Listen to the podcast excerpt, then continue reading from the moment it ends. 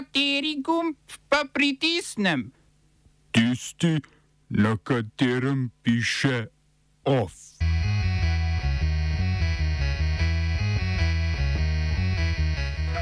Izraelci spet udrli na območje Mošeje Al-Aksa.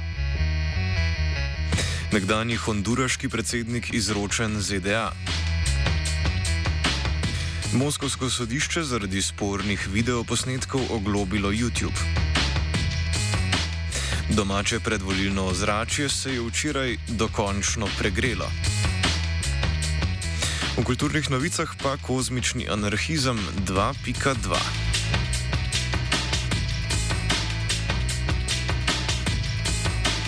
Dobr dan. Ob mošeji Al-Aqsa v Jeruzalemu so danes izbruhnili novi spopadi med palestinskimi protestniki in izraelsko policijo, v katerih je bilo po podatkih nevladne organizacije Rdeči polmesec ranjenih 31 ljudi. Spopade naj bi sprožili judovski verniki, ki so molili pred mošejo, na kar so mladi muslimani odgovorili z metanjem kamenja proti zidu objokovanja. Izraelska policija se je na to odzvala s souzivcem in plastičnimi naboji. Tempeljski grič v Jeruzalemu je sveti kraj tako za jude kot muslimane. Na njem stoji mošeja Al-Aqsa, poleg tega sta tam nekdaj stala dva judovska templja. V skladu z dogovorom med verskima skupinama lahko kraj obiščajo tudi judje, vendar tam ne smejo moliti. V preteklem tednu je na tem območju skoraj vsak dan prišlo do nasilja, potem ko je bilo minuli petek v spopadih ranjenih več kot 150 palestincev. Novi spopadi spominjajo na lanske ob koncu muslimanskega svetega meseca Ramadan, ki so privedli do 11-dnevne vojne med obema stranema.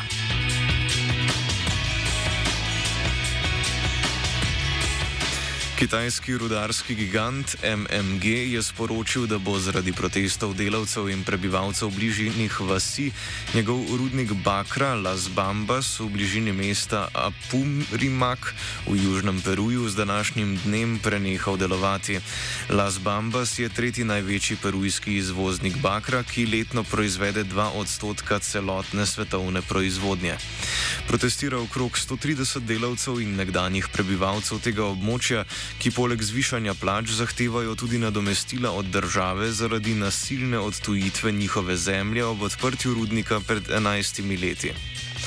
Protesti so izbruhnili pred slabim mesecem, potem ko je osovražena vlada perujskega predsednika Pedra Castilja podjetju podelila koncesijo za razširitev svojih dejavnosti na širše območje Fuerabambe, ki je sicer del državno prepoznanega ozemlja staroseljcev. V protestih proti rudniku Las Bambas leta 2015 so pod streli policije umrli štirje ljudje.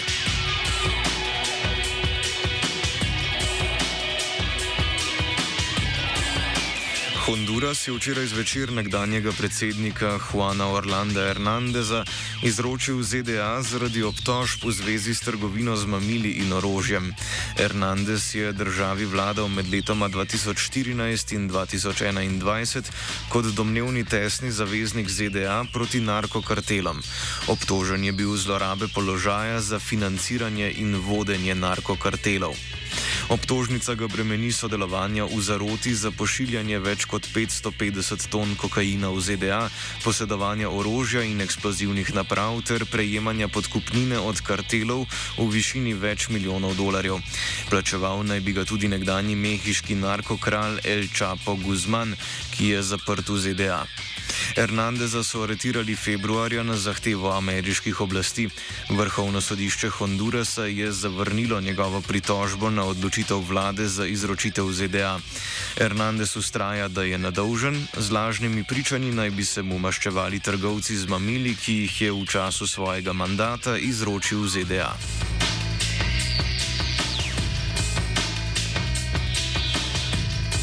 Stalnim stikom s sodišči pa se ne more izogniti niti Hernandezov dober prijatelj, nekdanji ameriški predsednik Donald Trump. Omarosi Newman, nekdanji tekmovalki v njegovem resničnostnem šovu Apprentice in nekdanji svetovalki v Beli hiši, bo moral plačati 1,3 milijona dolarjev sodnih stroškov za tožbo, ki jo je vložil, ker je Omarosa napisala knjigo o delu v Beli hiši. Arbitražno sodišče v New Yorku je namreč včeraj sklenilo, da sporazum o molčečnosti, ki ga je morala Omarosa podpisati skupaj z vsemi drugimi, ki so kdaj sodelovali s Trumpom, po newyorški zakonodaji ni veljaven.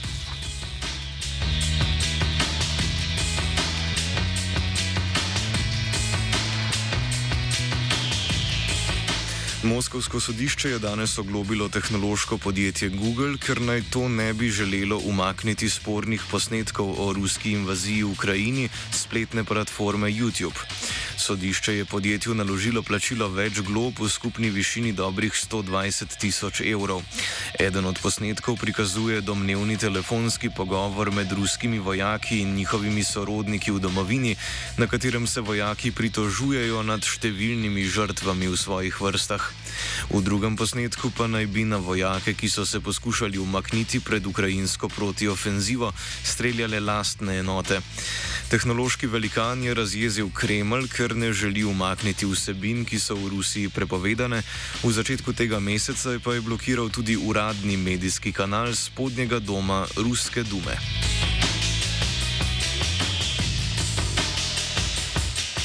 Medtem se od svoje nekdanje politične zaveznice še bolj odmika Kirgizija. Pred praznikom zmage 9. maja je kirgiška vlada namreč prepovedala uporabo simbola Z. Kirgiški svet za nacionalno varnost je sprejel resolucijo, s katero prepoveduje upodabljanje znaka, ki ga v ruski invaziji na Ukrajino na svojih uniformah in prevoznih sredstvih uporablja ruska vojska, saj naj bi spodbujal etnično sovraštvo. Podobne ukrepe so ta teden sprejele tudi Estonija, Litva in Moldavija, ki so prepovedale uporabo oranžno-črnega črtastega traku svetega Gregorja, simbola ruskega patriotizma in vojne agresije, sicer pa uradnega simbola ruske vojske. Oba, če, če bom odgovoril na angliški. Slovenija bo poskušala pomagati. Slovenija bo naredila svoj utmost, da bo rekla, da je situacija naš problem, naše. In bomo naredili nadaljnje korake, as soon as the conditions are. Bomo vlado Marjana Cererera Šarca podprli. Zelo, zelo resno. Slovenija. Vemo, kako in bomo. V eni zadnjih predvolilnih potez je novoslovenski infrastrukturni minister Jrnej Vrtovec z župani občin Celje, Jesenice, Kranko, Prkrško in Novo mesto podpisal pogodbo o subvencioniranju mestnega prevoza za nekatere kategorije potnikov. Upokojenci, invalidi in vojni veterani se bodo tako od 1. januarja do 1. junija letos v Ljubljani in Mariboru z mestnimi avtobusi vozili brezplačno. Danes so tako podpisane pogodbe z večino mestnih občin, ki imajo vzpostavljen sistem plačljivega mestnega prometa. Velenje je bilo iz podpisa pogodbe izuzeto, saj tem kategorijam potnikov socialdemokratska oblast že nudi brezplačen prevoz iz lastnih občinskih sredstev.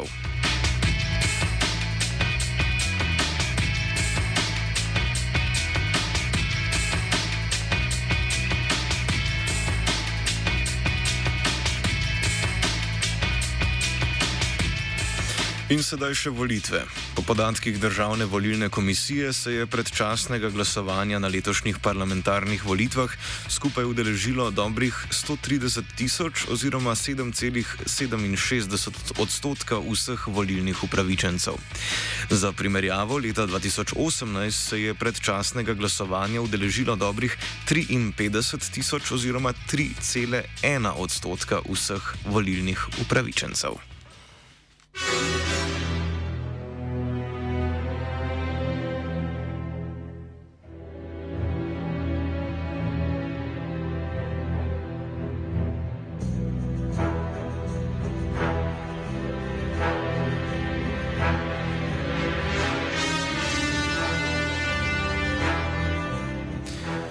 Včerajšnje poslednje soočenje na dokončno javno uravnoteženem RTV-ju je postreglo spektakularnim resničnostnim šovom, ki se ga ne bi sramovali niti na srpskem pinku. Igor Pirkovič, nerodni enfant terrible slovenske desnostičnosti, je najprej preveril sklepčnost.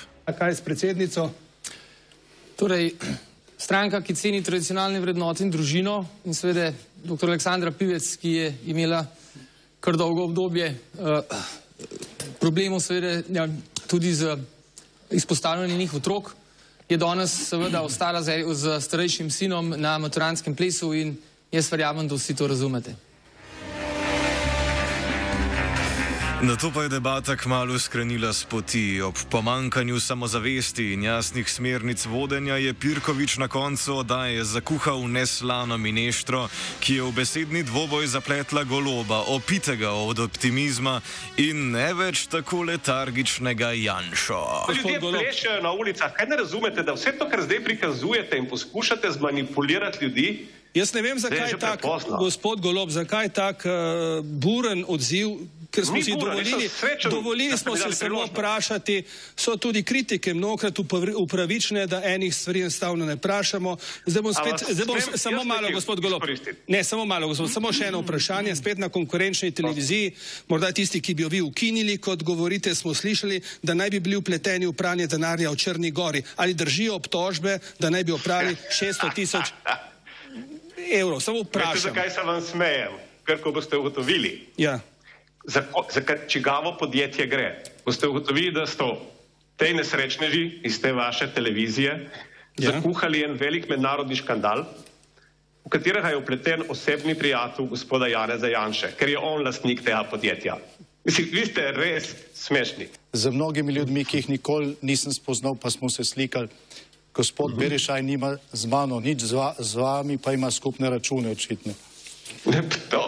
Je pripravljen dati izjavo na to temo in se boste pogovorila. Z veseljem je rekel, da se bo odzval na te vaše obtožbe. Pa niso to moje obtožbe, gospod Golob. Hm? To niso moje obtožbe. Vse sta vidva prijatelja, se jaz nisem, jaz ga ne poznam. Na zadnje je zadeva kulminirala v Potemkinovo vas v stilu Vučičevega frižidera, ko je po reklamah in spektakularnem padcu vodje SNS opozicija protestno zapustila oddajo takmu lekažinu jaz ne bom več sodeloval. Hvala lepa. Dobro. Hvala lepa, gospod. Jaz pa repliko še. Ilinčič, izvolite. Jaz sem bil eden izmed imenovanih, ker nisem dal dohodninsko napoved. Zakaj niste dali? Dal, dal nisem zaradi tega, ker je Zavod za pokojninsko zavarovanje in finančna uprava.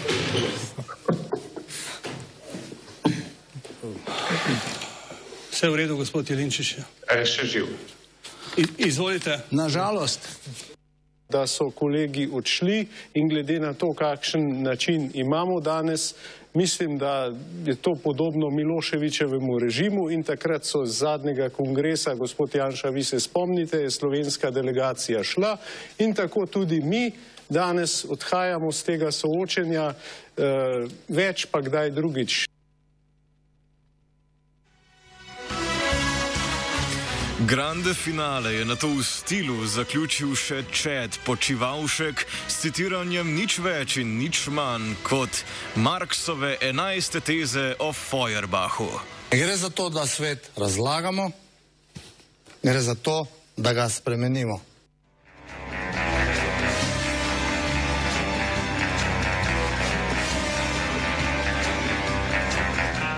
Več o predvolilnem stanju duha in družbe pa seveda v današnjem kultivatorju ob petih z matematično, terensko, analitičnim krožkom aktualno politične redakcije Radia Student.